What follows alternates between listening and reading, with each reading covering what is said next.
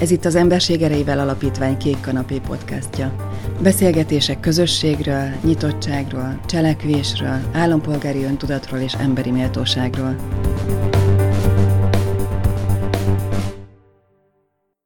Mai beszélgetőtársam Nyers Szilvia, a Pécsi Tudományegyetem tanársegédje, az interdisziplináris doktori iskola hallgatója, a Közösség Szervezők Egyesületének tagja, és a Page Bike Mafia egyik alapító tagja, és önkéntes természetesen. Így van. Ezek így stimmelnek, vagy van, ami változott közben, vagy kihagytam fontos dolgokat? Ez mind stimmel. Annyi, hogy Közösségfejlesztők Egyesületének a, a tagja vagyok, most már nem is tudom hány éve.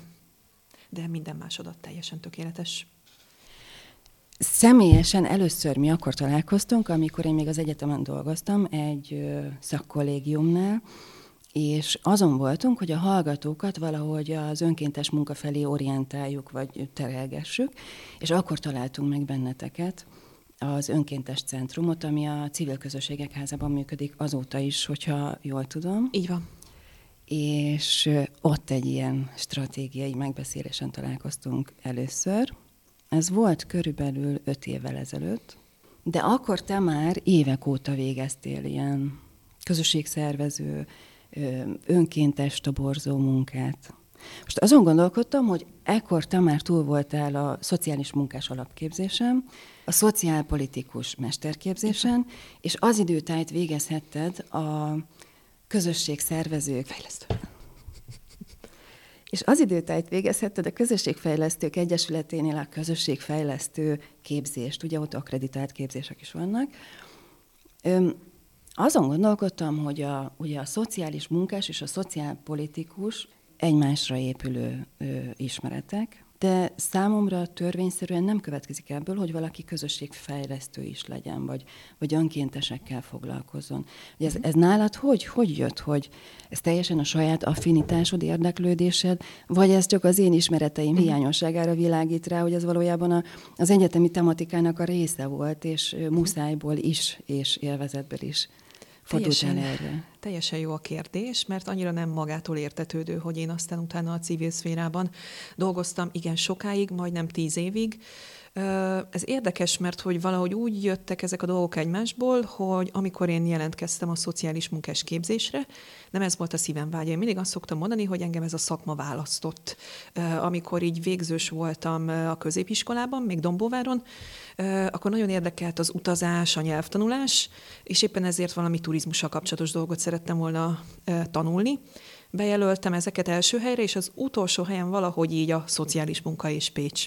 És valahogy úgy hozta az élet, hogy a, meg a pontszámaim természetesen, hogy ide vettek fel.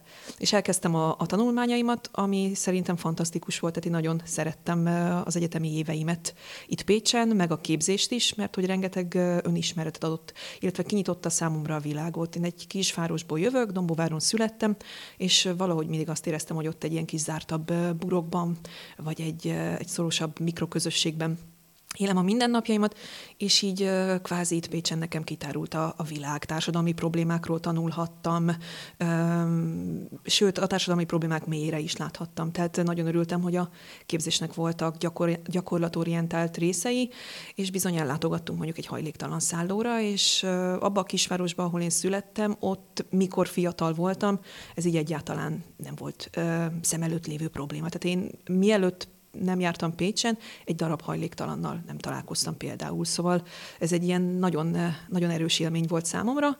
És a képzés vége felé, mert hogy annyira gyakorlatorientált a, a mi képzésünk, hogy tartozik hozzá egy utolsó gyakorlati fél év. És sokat töprengtem azon, hogy milyen területre menjek, mert hogy valahogy nem sikerült addig a képzés végéig nekem megtalálni azt a területet, ami, ami számomra igazán vonzó lenne. Tehát nem feltétlenül akartam hajléktalanokkal dolgozni, nem feltétlenül akartam családsegítő szolgálatnál dolgozni, és nem találtam tényleg azt a, azt a területet, ami, ami engem igazán megérintett volna. És aztán az egyik oktatom elvitt bennünket néhány intézménylátogatásra, és akkor találkoztam, sokan így ismerik Pécset, Bubuval, Knyihár Éva Bubuval, aki akkor, ez 2010 körül lehetett, az Európa Kulturális Fővárosa program önkéntes programját koordinálta, és nála jártunk a Mária utcában, ő bemutatkozott, ő is egyébként alapvetően szociális munkás, illetve közösségfejlesztő végzettségű, és akkor így, így jött a kapcsolat, vagy a kapcsolódás maga, hogy hozzá is lehetett menni gyakorlatra, és akkor kerültem igazán kapcsolatba az önkéntességgel. A kulturális évad összes önkéntes programját ő koordinálta, és én ebben vettem részt, ebben segítettem. Ennek voltak egyébként szociális vetületei is, és valahogy úgy alakult, le is diplomáztam, hogy Bubu megkérdezte tőlem, hogy esetleg a továbbiakban is szeretnék-e vele együtt dolgozni, és hát akkor nekem ez volt kvázi az én álmom, hogy, hogy ez folytatódjon, és ne csak önkéntesen, és akkor így a program átkerült a civil közösségek házába, maradt ugyanúgy a belvárosban, és lett egy egész városi iroda ahol én önkéntes koordinátorként dolgoztam majdnem tíz évig. Szóval az egy szép hosszú és nagy időszak volt számomra. Tehát így jött. Közben én elkezdtem a szociálpolitika mesterképzést, mert azt gondoltam, hogy egy BA diploma az nem biztos, hogy elegendő számomra. És akkor azt gondoltam, hogy inkább az elmélet, illetve a szociálpolitika irányába mennék még el, mert hogy hasznosabbnak véltem akkor azt a tudásanyagot, amit a szociálpolitika mesterképzés tud nekem kínálni ez így is lett, azt is befejeztem, és mert Bubu egyébként közösségfejlesztő is, így az ő, ő munkája az számomra mindig inspiráló volt.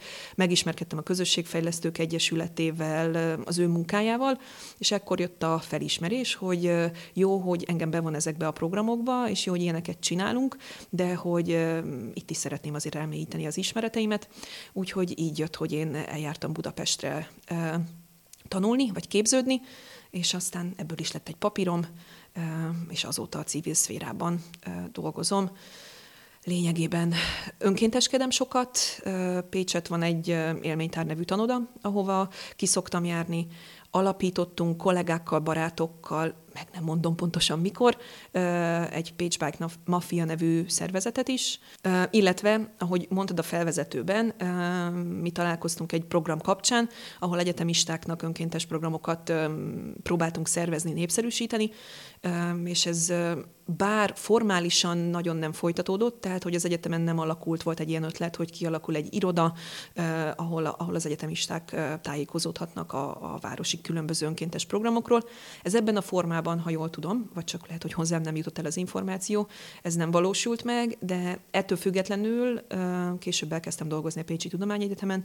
Én ott létrehoztam egy hallgatói csoportot, ez online működik, ahová elsősorban saját, de más hallgatók is szoktak csatlakozni, és így önkéntes munkákat szerveztem. Informális csoport? Így van, így van, így van. Ö, leginkább a külföldi diákok azok, akik aktívak ebben. Volt néhány lelkes orvostan hallgató, akik eljöttek a civil közösségek házába, és néhány nyugdíjas hölgynek angol nyelvet tanítottak, tehát hogy ilyen, ilyen jellegű apró szépségek voltak korábban is, és aztán, amikor oda kerültem, akkor már az összes civil kapcsolatomat felhasználva próbáltam a, a hallgatókat olyan helyekre orientálni, ami esetleg az ő érdeklődésüknek is megfelelő.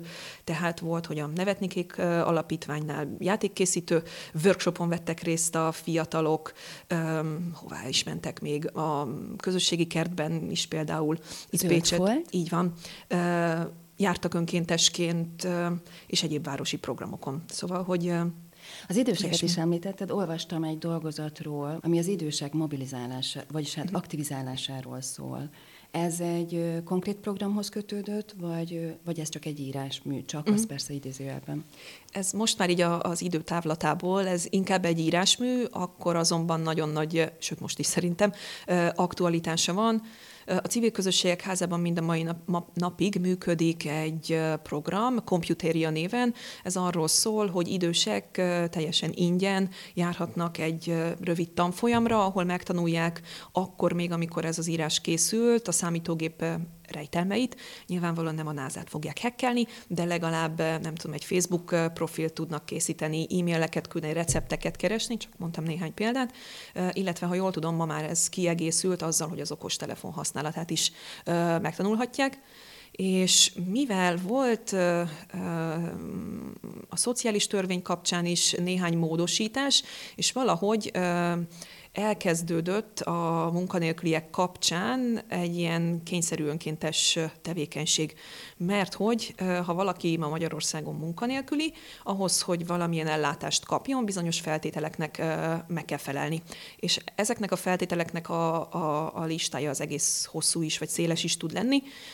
És van egy ilyen kitétel, hogyha valaki esetleg önkéntes munkát tud felmutatni, tehát önkéntes munkát végez, akkor jogosult lesz bizonyos ellátásra. Nyilván több más kritériumnak is meg kell felelni, de ez az egyik. És ekkor tájt, nem tudom megmondani pontosan az évet, 2013-4 táján, nagyon sok munkanélküli érkezett a mi kis önkéntes centrumunkba a belvárosba, hogy önkéntes munkát vállaljon. Ez kicsit furcsán hangzik, ilyen fából vaskarika, mert az önkéntesség az hogy lehet kényszer vagy kötelező, hát így egy egyszerű törvénymódosításnak köszönhetően. Mi is próbáltuk a lehetőséget látni benne, Úgyhogy egy idő után ugye nem csak a, a munkanélküliek, hanem a középiskolák is megkerestek bennünket, hogy segítségre volna szükségük a tekintetben, hogy tudunk-e ajánlani olyan fogadó helyeket, intézményeket, ahová esetleg ők elküldhetnék a diákokat. És akkor így ebbe kezdtünk el együtt működni középiskolákkal, és ugye a házon belül nekünk is volt ez a számítógépes programunk, ahol volt egy darab oktató, és az oktató az sokszor küzdött azzal, hogy hogyha felmerültek kérdések, akkor ugye ez az óramenetét több esetben megtörte. Tehát azt meg kellett válaszolni, el kellett esetleg mutogatni, hogy ez, ez hogy is van a gyakorlatban. És ahhoz, hogy gördülékenyebben menjen ez az egész, azt találtuk ki, hogy önkéntesek tudnak segíteni. Ott tudnak ülni az idősek mellett, és amíg az oktató beszél, akkor ezek az önkéntesek, fiatalok, középiskolás diákok, ők meg tudják mutatni, hogy mi az, hogy egér, tálca, lerakja az ember, megnyitja, kettőt kattint, stb. stb. És ez úgy tűnt, hogy, hogy egy nagyon működőképes gyakorlat, sőt azt hallottam, kicsit így utánkövetésszerűen, hogy volt olyan eset, ahol a nyugdíjas, illetve a, a középiskolás a program végeztével is, ezek rövid távú programok voltak, tartották a kapcsolatot, tehát akkor már e-mail címet cseréltek, és aztán, hogyha a nyugdíjasnak szüksége volt valami segítségre, mert esetleg nem tudom, elromlott a számítógépe, vagy úgy gondolta, hogy elromlott, akkor meg tudta keresni az online térben az adott fiatalt, és akkor ez a kapcsolat helye közelérő is maradt. Említetted a külföldi diákokat, erről az Erasmus Plus program jut eszembe, amiben részt vettél pár évvel ezelőtt, egy több turnusos tábort szerveztetek több országból érkezett hallgatóknak, Szaporcán, ha jól emlékszem. Ez többszöri alkalom volt, illetve nemrég kaptam a, a hírt, és ennek nagyon örülök, hogy idén lesz folytatás. Az Ormánságban működik egy civil szervezet, vidéken jó alapítványnak hívják őket, akikkel korábban néhány évvel ezelőtt együtt dolgoztam több ilyen nemzetközi ifjúsági csere program kapcsán, ami számomra nagyon fantasztikus volt, hogy a világ különböző pontjairól, országaiból érkeztek fiatalok, Általában a programok része az, hogy minden kultúra megmutatja magát, tehát voltak nemzetközi estek is, ami, ami fantasztikus, hogy megkóstolhattuk más kultúráknak az ingyenségeit. Meg, Zenéjét. Meghallgathattuk bizony az ő, ő zenéjüket, ezek sok esetben népdalok voltak, de akár ma is lágerek is. Megtanultunk egy-egy dalszöveget, kvíz feladatokat állítottak össze, együtt táncoltunk, mulattunk, tehát hogy ez nagyon szépen lerombolt akár sztereotípiákat, félreértéseket, és, és tényleg nagyon jó betekintést engedett a másiknak a világába és kultúrájába. Ez számomra mindig ilyen fantasztikus mm, élmény volt. És akkor ezzel kapcsolatban kaptál most egy jó hírt. Igen, igen. Nem régen beszéltem az említett szervezettel, tehát a Vidéken Jó Alapítványjal, és ők azt mondták, hogy idén újra lehetőséget kaptak arra, hogy részt vegyenek ezekben az, vagy ebben az ifjúsági csere programban, úgyhogy április végén kerül megrendezésre a következő, amelynek megint egy kicsikét a környezettudatosság, fenntarthatóság lesz a, a fókuszában, mert erdőkert ez, a, ez az egyik apropója a programnak. Úgyhogy én is kíváncsian várom, hogy mi lesz ebben.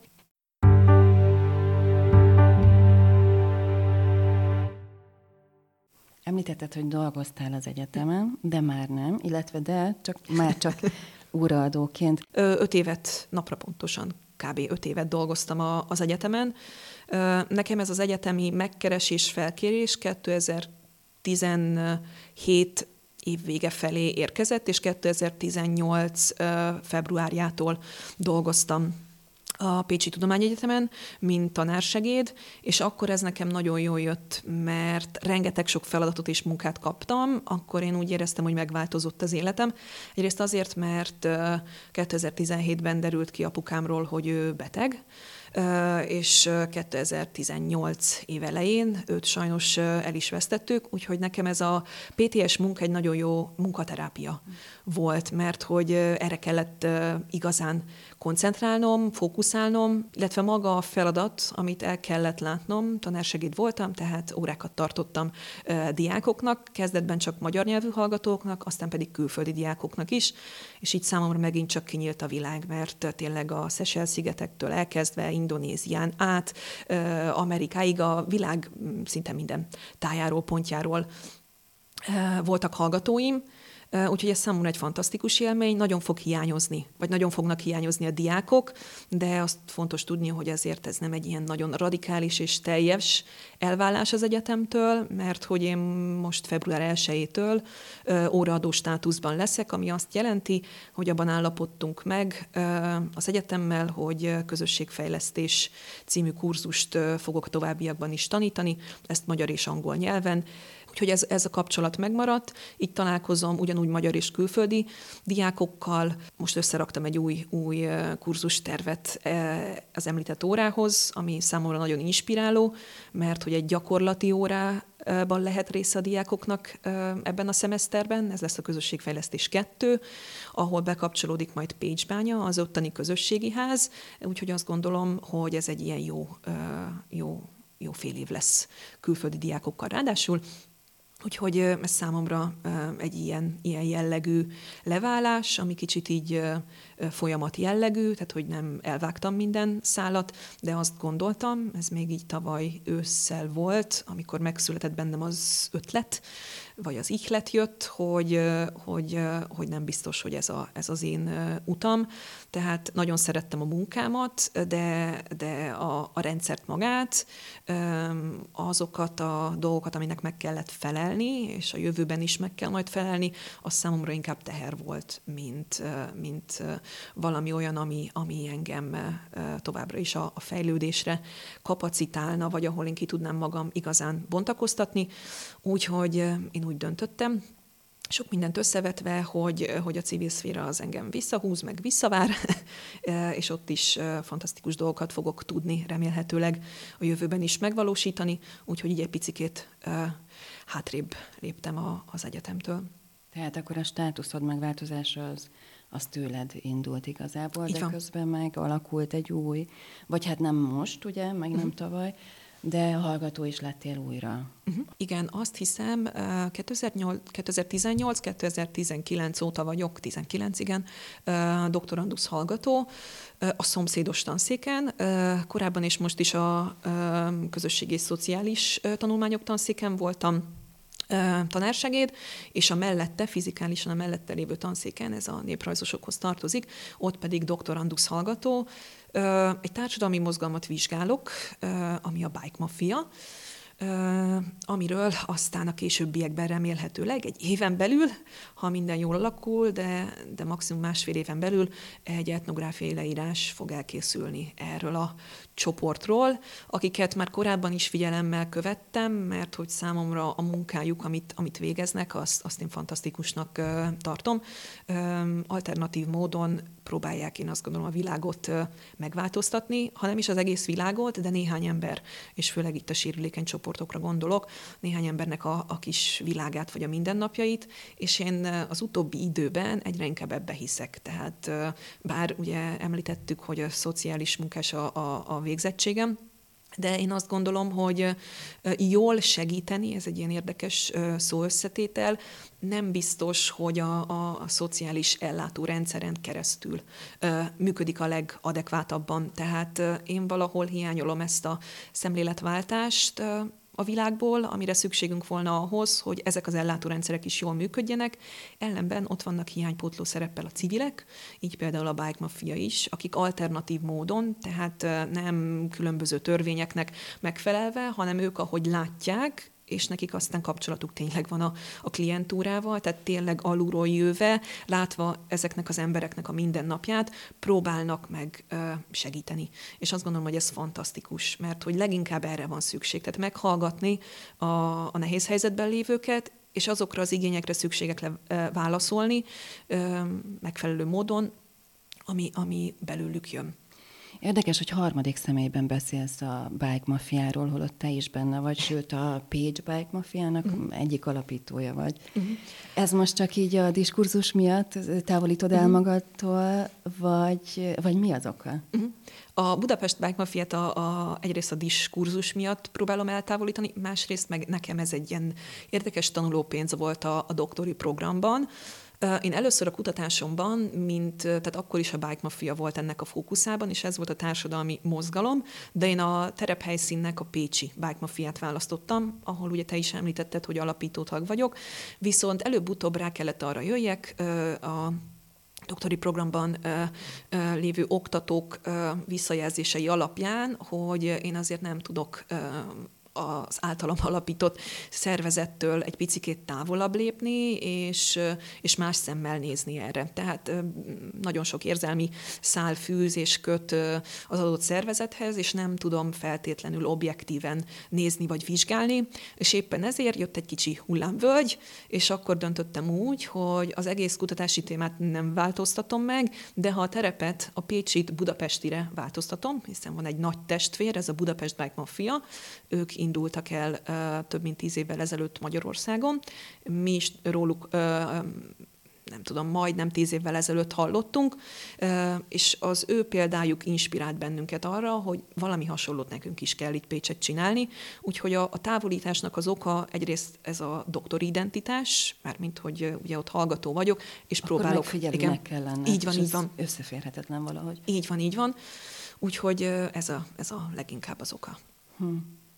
Mesélsz erről a, a, a kezdeti időszakról, illetve az egészről. És az is nagyon érdekes, amit az előbb mondtál, hogy a, a szociális munka és a, a formális ellátórendszer nem biztos, hogy ki tudja elégíteni a, az igényeket. De közben úgy tudom, de javíts ki, hogyha rosszul tudom, hogy a családsegítő központtal e, szorosan együttműködve végzi, vagy végzi, végzik a Pécs bike mafiások ezt a, a tevékenységet, az ételosztás gyakorlatilag, mert Igen. hogy havi rendszerességgel 100-150 adag ö, melegételt megfőznek, és kiviszik kerékpárral a család, rászoruló családoknak. Ehhez a címet gondolom, hogy a családsegítőtől kapják.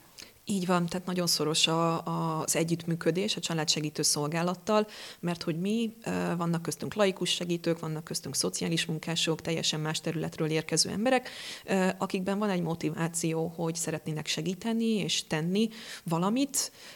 Belőlük áll lényegében a maffia, valaki a kerékpározás szeretete miatt jön el hozzánk, és csak szállítani, valaki csak a főzésben vesz részt, és azt is nagyon jól mondtad, hogy havonta egyszer egy közösségi főzés keretében talán találkozunk, de a családsegítővel való kapcsolat a számunkra nagyon fontos, mert hogy mi nem vagyunk a rendszernek a részei. Ha jól tudom, egyik tagunk sem dolgozik közvetlenül a szociális ellátórendszerben, viszont tőlük kapjuk a címeket. Az ottani kollégák, tehát szociális munkások azok, akik kvázi napi szintű kapcsolatban vannak, ha a szakszerűen szeretném mondani, akkor a kliensekkel, és tőlük kapjuk a címeket. Ők azok, akik meg tudják nekünk mondani, hogy adott városrészben ki az, aki leginkább rászorul arra, hogy havonta egyszer bekopogtassunk hozzájuk, és néhány kedves szót, illetve e, egy adag melegételt, néha gyümölcsöt, e, ünnepek táján egy kis kedvességet, csokoládét, e, ilyesmit vigyünk el számukra. Úgyhogy nagyjából valahogy így működünk. 2015 körül indult a mi csapatunk, és néhányan hallottunk a, a budapestiekről, követtük a médiában őket, a a Facebookon, és volt egy program, nem tudom már megmondani pontosan, hogy mi volt ez a program, ahol azt gondoltuk, hogy meghívjuk Havasi Zoltánt, a Budapest Bike Mafiának a, az alapítóját. Ő eljött hozzánk Pécsre, beszélgettünk, találkoztunk, ő elmesélte, hogy ez hogy működik, és hogy így nagyon szívesen segít abban, hogy itt mi Pécsen el tudjunk indulni, támogatnak bennünket, és valahogy így indult ez az informális csoport itt Pécsen, voltunk páran, volt bennünk motiváció, volt bennünk lendület, voltak kerékpárosok, kaptunk megfelelő muníciót, mint Havasi Zolitól, mind egymástól, és akkor így 2015-ben, akkor még, ha jól emlékszem, szabad kikötőben, illetve néha vándoroltunk is, más-más civil szervezeteknél főztünk, egy kondérba körülbelül 100-150 adag melegételt, illetve amikor a szabad kikötőben volt a helyszín, akkor számunkra az is fontos volt, hogy ha tehettük, akkor meghívjuk a családokat, tehát kimozdítsuk őket abból a környezetből, ami nem mindig egy, egy nagyon kellemes vagy pozitív környezet a számukra, ahol ők, ahol ők élnek. Tehát ha ők be tudtak jönni, akkor egy olyan közösségi térbe keveredtek, a szabad kikötő által, ahol a gyerekek, hogyha gyerekesekről volt szó, tudtak játszani, illetve tudtak találkozni akár egymással is, velünk is volt lehetőség beszélgetni. Viszont most már pár éve a civil közösségek házában van a főzésnek a fő hadiszállása, illetve a helyszíne, úgyhogy oda általában nem szoktuk meghívni a, a rászorulókat, hanem a bringások azok, akik kiszállítják ezt az ételt nagyjából így működünk, de tényleg fontos az, hogy legyen egy olyan ö, hiteles szervezet mögöttünk, ez a családsegítő szolgálat, akiknek folyamatos kapcsolata van ö, a rászorulókkal, illetve hogy ne érje szó a ház elejét, hogy én vagy bármelyik kollégám az, aki kitalálja, hogy ki az, hogy rászoruló, és mi esetleg úgy választunk kvázi kedvezményezetteket, ahogy nekünk az szimpatikus, nem? Tehát próbáltuk megtartani ezt a vonalat. És ez hogy működik, hogy minden hónapban kaptok 100-150 címet, nevet, vagy pedig egy évre előre, uh-huh. vagy, vagy ez, ez az üteme, ütemezés, ez hogy uh-huh. alakul? Kaptunk egy listát a családsegítő szolgálattól, ez azért változni szokott, hiszen az emberek életében is vannak változások, valaki már nem szorul rá, hál' Istennek a mi vagy a családsegítő szolgálat segítségére, valaki elköltözik, stb. stb. Tehát van egy kis fluktuáció ilyen szempontból, de Lényegében ők azok, akik elküldenek, vagy elküldtek nekünk egy listát. Ezt a kollégák, főleg a kerékpárosok különböző csoportokba szokták szedni, vagy különböző csoportokra osztani, mert hogy városrészenként jönnek össze ezek a címek, és akkor a városrészekhez társulnak kerékpárosok, tehát van, aki mondjuk a keleti városrészbe szállít, valaki a belvárosba, valaki esetleg Uránvárosba és, és másfelé is. Tehát, hogy nagyjából így, így működik illetve néha mi is jelzünk vissza a családsegítő szolgálatnak, hogy most már nem tudom, több olyan alkalom volt, hogy valami okból kifolyólag a család nem volt éppen otthon, vagy nem tudjuk, hiába van megadva egy telefonszám, nem tudjuk esetleg utolérni, úgyhogy mi, mi szorosan együttműködünk velük. Na de még egyszer visszatérnék én a, a legelejére a történetnek, hadd legyek ilyen pragmatikus, vagy sőt, földhöz ragadt kérdést hadd forszírozzak, hogyha én szeretnék egy Zita Bike mafiát, akkor ez hogy, hogy kezdődik ez? az? Honnan volt kondérotok? Honnan volt, tehát hogy tehát, hogy instrumentálisan annyi minden uh-huh. szükséges ehhez, hogy, hogy, és hányan voltatok a legelején? Ez hogy van, hogy tucatnyi ember azt mondja, hogy na, akkor a jövő héten összejövünk egy, összeütünk egy babgulyást, és mm, Józsi, te beszél, megkeresed a családsegítőt, és kérsz tőlük kontaktokat, vagy tehát ugye nagyon pragmatikusan ez hogy? Uh-huh. Uh, talán most, ahogy így elmondtad, ez, ez kicsit ilyen bonyolultnak tűnik vagy hangzik, tehát hogy ez valami olyasmi, amihez nagyon sok szervezés és nagyon sok mindennek együtt kell állni, hogy megvalósuljon, és részint ebbe, ebben igazad van, viszont nálunk ez valahogy nagyon organikusan jött, és szép lassan építkeztünk. Valóban az elején elég volt az, hogy voltunk néhányan, nem tudnék pontos létszámot mondani, lehet, hogy nem is voltunk egy tucatan, akik nagyon lelkesek voltak, és, és szerettek volna ebbe bekapcsolódni. Az elején a mi adományainkból, ezt fontos tudni, állt össze egy ilyen főzés. A kondér is adomány volt, a helyszín is adomány volt, a fakanál is adomány volt, a dobozok is adomány volt, minden, minden adomány volt. Mi is adtuk az önkéntes munkánkat és, és időnket, és valahogy úgy állt össze ez az egész, hogy, hogy összejöttünk, főztünk, és azt a biciklisek kivitték, tehát hogy így minden összeáll, de ez nagyon fontos összetevő volt az, hogy minden szereplő tegye bele azt, amit ő tud. Valaki a kerékpározást tette bele, a szállítást, valaki a kondért, valaki a helyszínnel járult hozzá, valaki pénzzel járult hozzá, tehát azt mondta, hogy akkor én tudok nektek vásárolni mondjuk 5 kiló krumplit, csak mondtam egy példát, tehát hogy így, így építkeztünk az elején, és azt gondolom, hogy ez azért elég, elég nehézkes vagy kiszámíthatatlan de az egyik, vagy hát a másik motorja ennek a többek között Knyihár Éva Bubu, akit már említettem is, és azt gondolom, hogy neki azért olyan széleskörű kapcsolatai vannak itt Pécset, elsősorban a civil szférában, hogy mozgatva ezeket a, a, a szálakat, ezeket a kapcsolatokat, hál' Istennek, illetve a többi ö, ö, tagnak is a, a kapcsolati hálóját, illetve akár az infrastruktúráját ö, bármiét, így összeállt az első főzés, aztán a második is, és így tovább. Szóval, hogy így szépen lassan építkeztünk, de aztán előbb-utóbb kiderült, hogy azért szükségünk van bizonyos dolgokra. Ennél azért stabilabb környezetben volna alkalmas a működés, úgyhogy beköltöztünk a, a szabad kikötőbe egy ideig, ahol ott tudtuk hagyni a kondért, adományból tudtunk kondért vásárolni egyébként.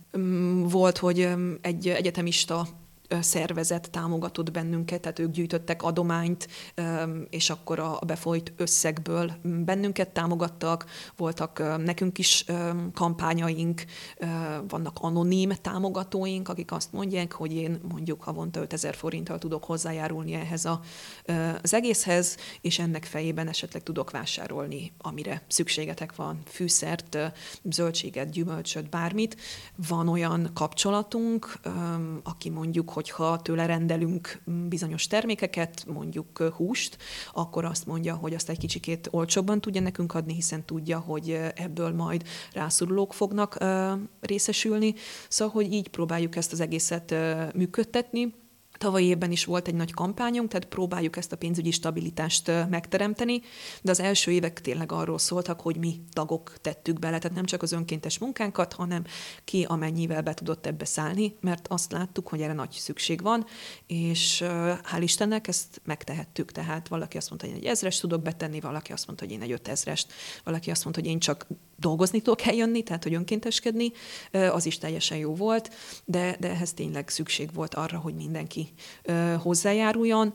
Most, hogy a kampányainkból befolyt bizonyos összeg, ez, ez egy előre tervezhetőséget biztosít számunkra. Tehát azt látjuk, hogy mondjuk nyár elejéig, csak mondtam valamit, most fogunk tudni főzni, mert hogy van egy körülbelüli költségkeret, kiszámoltuk, hogy egy hónapban körülbelül mennyibe kerül a főzésnek a költsége, és ez nagyjából most a rendelkezésünkre áll, de ha ilyen reklámhelye dolgot lehet mondani, akkor mindig szívesen várjuk az adományozóknak a, a jelentkezését, ez lehet önkéntes segítség is, ez lehet pénzbeli, illetve akár élelmiszeradomány, vagy bármi egyéb.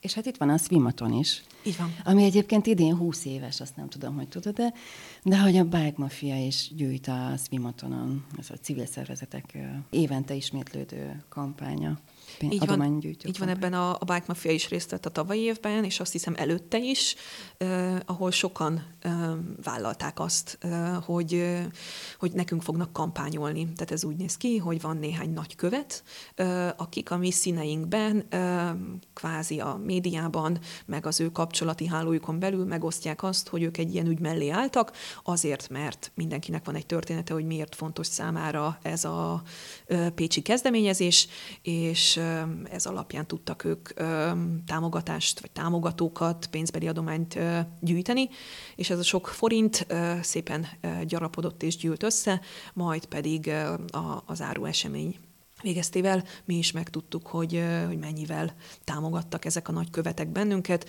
A nagykövetek között volt egyetemista, külföldi egyetemista ráadásul, az is fantasztikus élmény volt.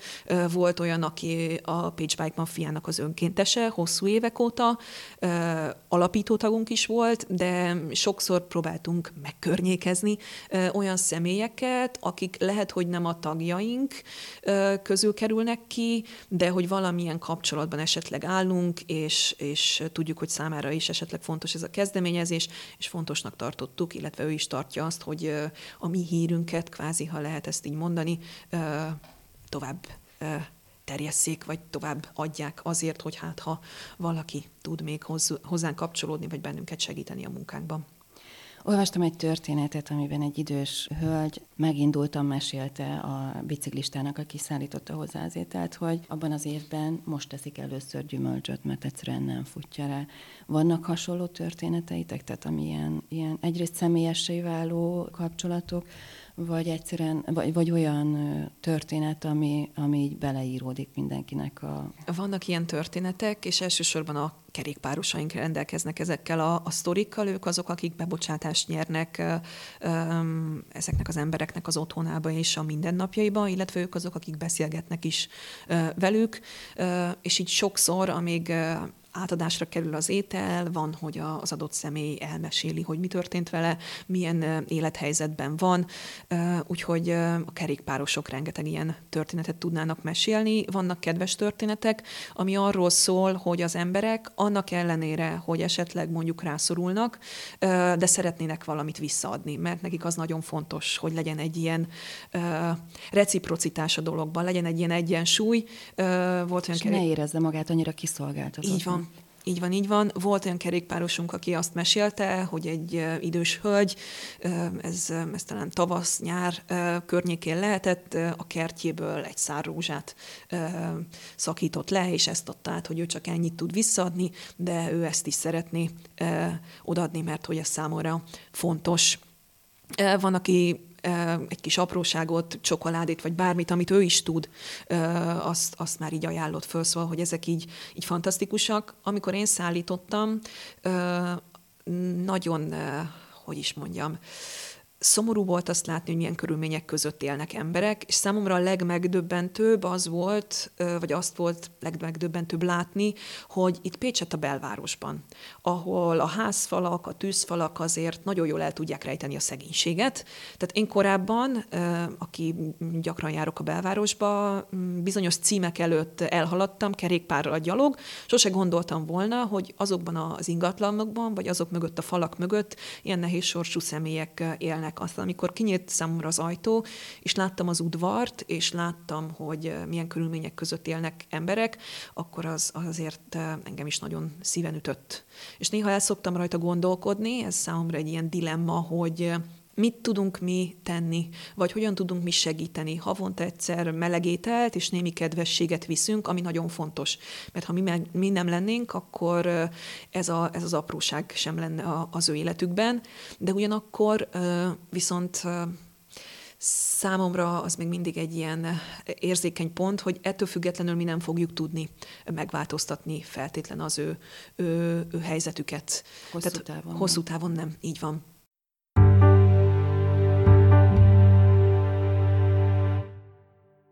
Szerinted mi kell ahhoz, hogy ezt valaki jól tudja csinálni és bírja csinálni? De némi nemű lelkesedés. Rezilien... Mhm. Na de hát, hogy a, a önvédelemre gondoltam, tehát nyilván kell egy reziliencia, egy empátia, de talán nem túlzottan, hogy együtt érezzen, de azért ne olvadjon össze a klienssel. És most akkor nyitnám egy picit a, a kört, tehát hogy nem csak a bike mafiára, hanem úgy a szociális munkára munkához, hogy mi kell, hogy ezt jól csinálja valaki? Nagyon jó kérdés. Amiket elmondtál, az, az mind alapvető szerintem. Tehát, hogy legyen az emberben empátia, tudja magát egy kicsikét beleképzelni és beleérezni abba a helyzetbe, amiben a másik személy van. Fontos az, hogy türelmes legyen, és meghallgassa a másikat de a reziliencia is nagyon fontos, tehát hogy bizonyos határokat azért ne lépjünk át, és tudjuk egy kicsikét ennek ellenére távolítani magunktól másnak a, a problémáját. Tehát nem ne váljunk, nem tudom, kényszeres segítővé, és ne akarjuk másnak a, a problémáját saját maga helyett megoldani, ezek mind-mind nagyon fontosak. A, a, az én szakmámban, szociális munkásként van egy ilyen kulcsfogalom, amit mindig emlegetünk, ezt empowermentnek hívják, és ez lényegében arról szól, hogy én képessé tegyem a másikat arra, hogy előbb vagy utóbb képessé váljon arra, hogy a saját helyzetét, sorsát menedzselni tudja. Tehát nagyon fontos az, hogy én őt ne kiszolgáljam, és megcsináljam helyette, és ne, így szoktam fogalmazni, ne lekiskorúsítsuk őt, hanem, hanem erősítsük őt meg abban, hogy bizony ő is képes rá, és lehet, hogy nincsenek meg a lehetőségei, vagy az erőforrásai, de mi megmutatjuk azokat az utakat, lehetőségeket, és próbálunk eszközt adni a, a, az adott személyek kezébe hogy... Kicsit közhelyesebben fogalmazva hálót adj, halad. Így van, így van. Ez, ez egy nagyon jó mm. megfogalmazás ennek a, az empowerment dolognak. Szóval szerintem ez, ez nagyon fontos. Ezt tanuljuk mi az egyetemen is egyébként, hogy valahogy így kéne jól segíteni, illetve ettől függetlenül azt gondolom, hogy aki ebben a segítő történetben valamilyen formában részt vesz, legyen ő professzionális segítő, tehát lehet szociális munkás, de akár tanár is, vagy pszichológus, vagy bárki, nagyon fontos, fontos, hogy az ember kicsit így visszapótoljon saját magába, mert hogy ez egy olyan munka, hivatás vagy tevékenység, ahol az emberek adnak és ezt én is észrevettem magamon, hogy az elején nagyon lelkesen adtam, és ezt talán, vagy hát remélem így van mind a, mind a mai napig, viszont nagyon fontos, hogy, hogy az ember azért vissza is pótoljon, tehát hogy töltekezzen. Ezzel én is szoktam küzdeni, bevallom őszintén. Ennek intézményesített formája nincsen? Tehát, hogy valamilyen pszichológus, uh-huh. vagy coach, vagy supervisor? De, de, de, nagyon jól mondod. Vagy egymás között ventiláltok csak? Uh-huh. Nagyon jól mondod, a szakmában ezt ugye supervíziónak nevezik, amiben ugye a, a, kollégák részt tudnak venni. Esetmegbeszélők is vannak, illetve team munkában dolgoznak a szakemberek. Ha a Bike Mafia-ra gondolok, akkor pedig azt gondolom, hogy egy nagyon jó közösség van. Tehát nagyon jó kapcsolatban állunk mi tagok egymással, működik a kommunikáció, nyíltan tudunk egymással beszélni, és ha bárkinek valamilyen problémája van, nehézsége adódik, akkor azt, azt mi meg tudjuk beszélni egymás közt. És azt gondolom, hogy tényleg annyira izgalmas és vegyes és, és szuper az a társaság, akikkel mi együtt dolgozunk, tényleg a legkülönbözőbb emberek. Ez számomra egy érdekes dolog, ha egy picikét elterelhetem a, a beszélgetést, hogy korábban az volt az én elképzelésem, ilyen naív elgondolásom, hogy nagyon hasonló emberek jönnek össze, és akkor ők csinálnak valamit. De aztán rá kellett jönnöm, hogy ezek a nagyon különböző emberek, akikben nyilvánvalóan van egy hasonlóság, mindannyian szeretnének valami jót tenni, valahogy segíteni másoknak, tehát hogy ez, ez azért tényleg fontos. De ezt leszámítva a különböző háttérből érkező emberek vannak, különböző professziók, különböző személyiségek, férfiak és nők, idősek és fiatalok, tehát tényleg nagyon vegyes a, a társaság, és valahogy ez egy, egy hihetetlenül jó ö, húzóerőt ad ennek az egésznek, és tudunk egymásból épülni, inspirálódni. Ezek a tudások valahogy nem kioltják, hanem kiegészítik egymást, és számomra ez a legfantasztikusabb, úgyhogy a Bike Mafiánál így működünk. Tehát, mint egy közösség, így egymásból tudunk e, erőt meríteni, és ha valaki azt mondja, hogy most olyan helyzetben van, hogy nem tud adni, vagy nem tud eljönni, akkor azt mi megértjük, és e, meg is szoktuk kérdezni, hogy esetleg akkor neki tudunk-e valahogy segíteni. Tehát e, ez, ez így működik. A Bike Mafia munkájára hogyan hat ez a az elmúlt egy év, és aki tudja, hogy mennyi, ami még előttünk van. Az a borzasztó elszabadult infláció, amit élünk mindannyian igen, ez bennünket, és nyilvánvalóan a családokat is radikálisan érinti, mert hogy még nagyobb szükség van. Mi azt látjuk erre az egy táléterre, hogyha azt vesszük, illetve ha a mi, tehát hogy a működtetés szempontjából nézzük, akkor bizony nekünk is többe kerül most az élelmiszer, sajnos, és a korábbi, költségkalkuláció, ami, ha jól emlékszem, ilyen 50 ezer forint körül volt, tehát mondjuk egy havi főzést korábban esetleg 50 ezer forintból ki lehetett hozni, az most megemelkedett.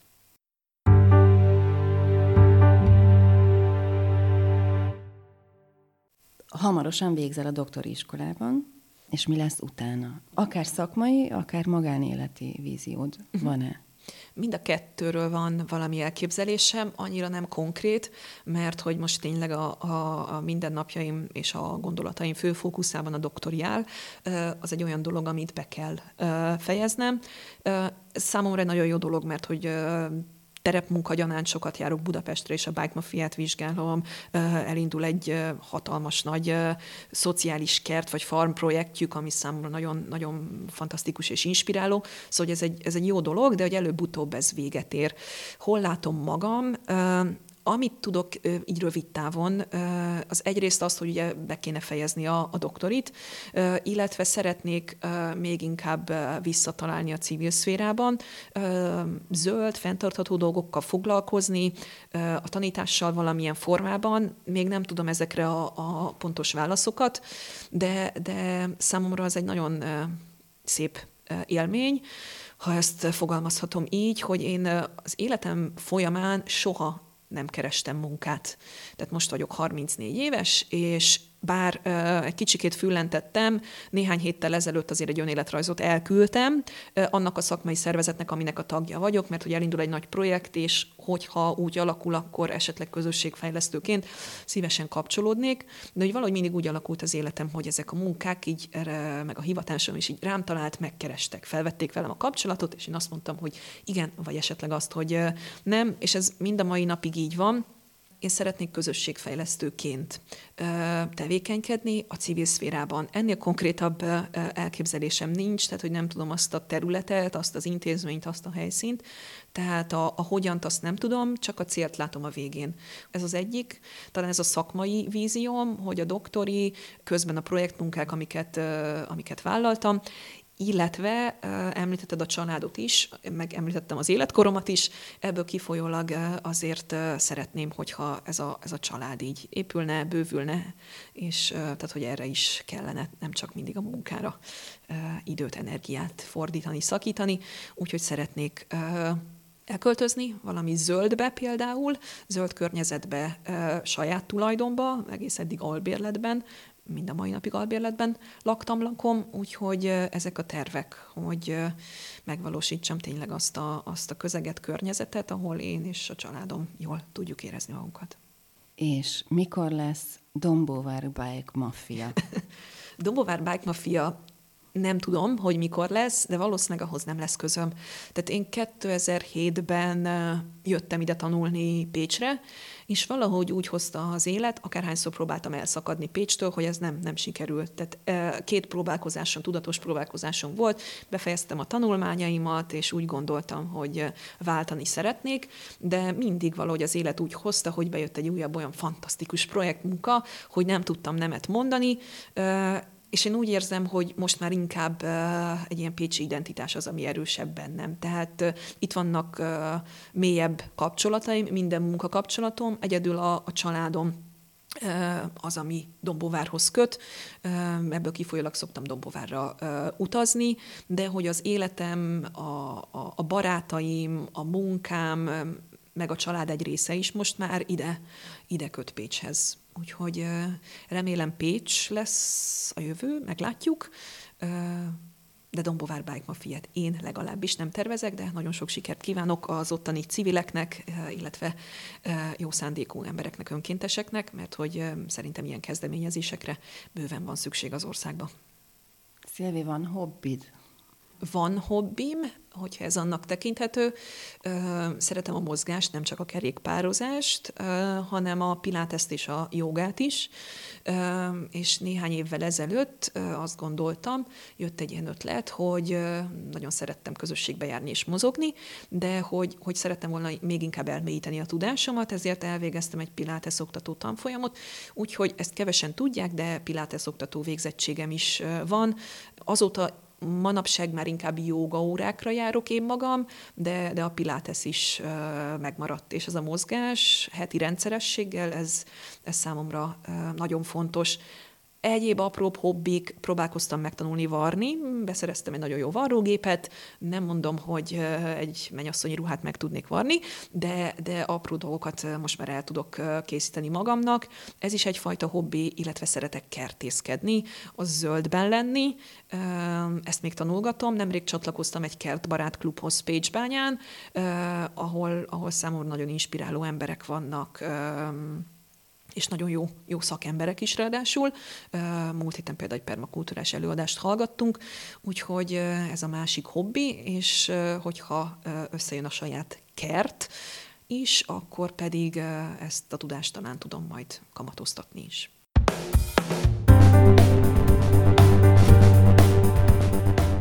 Ha tetszett a beszélgetés, iratkozz fel a csatornánkra. Ha véleményed van, hozzászólnál, küld el nekünk a podcastkukacemberség.hu e-mail címre.